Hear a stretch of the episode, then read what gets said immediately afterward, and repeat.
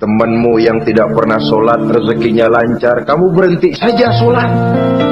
Yang tidak pernah ke masjid pangkatnya naik terus, udah berhenti aja ke masjid.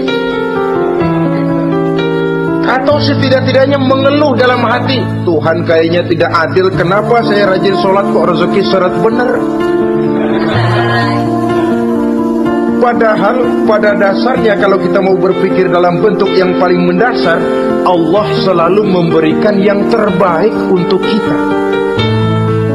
Jika begini keadaan kita, inilah yang terbaik buat kita menurut pertimbangan Allah.